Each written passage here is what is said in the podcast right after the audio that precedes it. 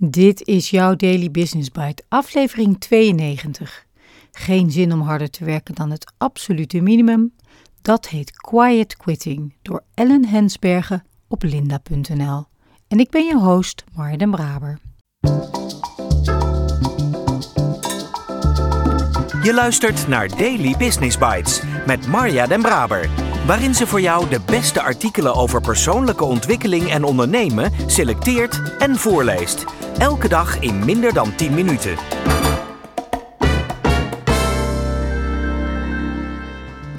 Een hele fijne dag en welkom terug bij de Daily Business Bites.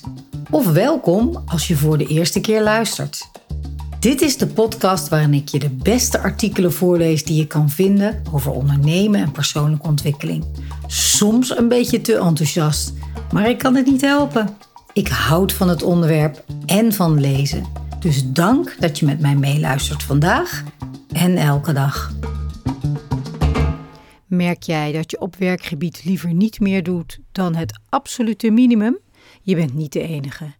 Meer mensen voelen die neiging. Het wordt quiet quitting genoemd. Sinds de pandemie kijken mensen anders naar hun werk en dat kan flinke gevolgen hebben voor menig manager. Quiet quitting komt neer op iets heel simpels. Alleen nog maar doen waar je voor betaald wordt. The bare minimum. Net genoeg werken zodat je bijblijft met je collega's. Maar overwerken? In weekends of vakanties je mail checken? Assisteren bij een extra project? Te hulp schieten bij het organiseren van het personeelsuitje?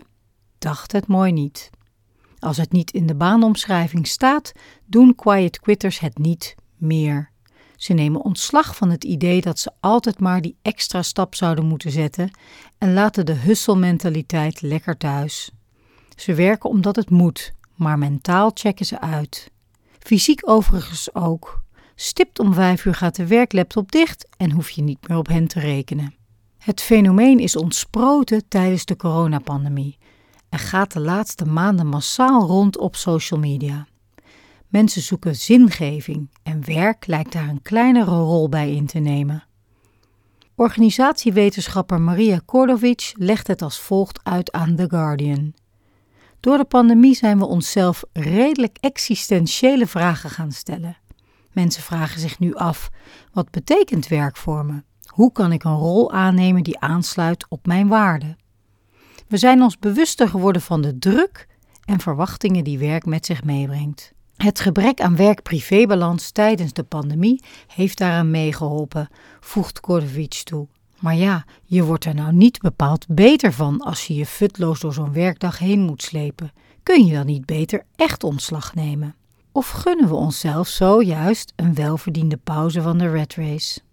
Het antwoord is niet zo 1, 2, 3 te formuleren, maar quiet quitting biedt wel een ingang om eens goed na te denken over wat je professioneel gezien wilt bereiken en vooral onder welke omstandigheden.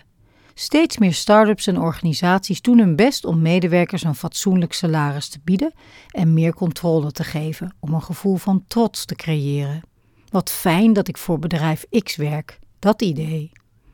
Maar de psychologische nasleep van de pandemie is voor veel mensen nog niet verdwenen en de hoge kosten maken het leven nu ook niet makkelijker. Hoe houd je wel plezier in je werk? Welke factoren zijn voor jou nu het belangrijkst? Dit viral verschijnsel zou ook voor jou zomaar een mooi moment kunnen zijn om eens bij je manager aan te kloppen voor een gesprek. Daily Business Bites met Marja den Braber. Je luisterde naar Geen zin om harder te werken dan het absolute minimum.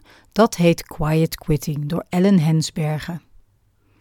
Interessant. Is het iets met de huidige generatie of bestaat het eigenlijk al heel lang? Maar heeft het een nieuw jasje aangedaan? Komt het door de pandemie?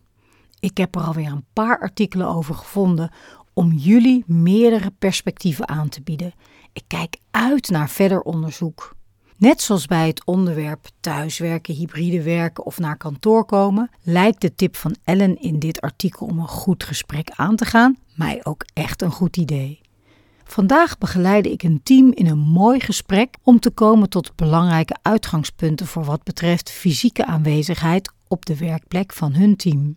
Nadat we allemaal voelden dat we er met een x aantal dagen of minimaal zoveel personen aanwezig per dag of een percentage van je beschikbare tijd verplicht op de werkplek zijn niet uit zouden komen, ging het gesprek veel meer naar waardegedreven uitgangspunten.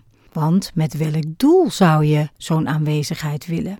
Dus we kwamen op belangrijke vragen als hoe kunnen we de plek uitnodigend maken? Hoe kunnen we op output sturen in plaats van op aanwezigheid? Welke persoonlijke ruimte kunnen we mensen bieden? We zitten nou eenmaal niet allemaal hetzelfde erin. En hoe kunnen we regelmatig evalueren en reflecteren? Voel je gelijk de ruimte? Over dit onderwerp quiet quitting vermoed ik dat goede gesprekken ook een mooie start zijn. Maar eerst ga ik jullie er nog veel meer over vertellen in volgende afleveringen. Ik spreek je graag morgen weer.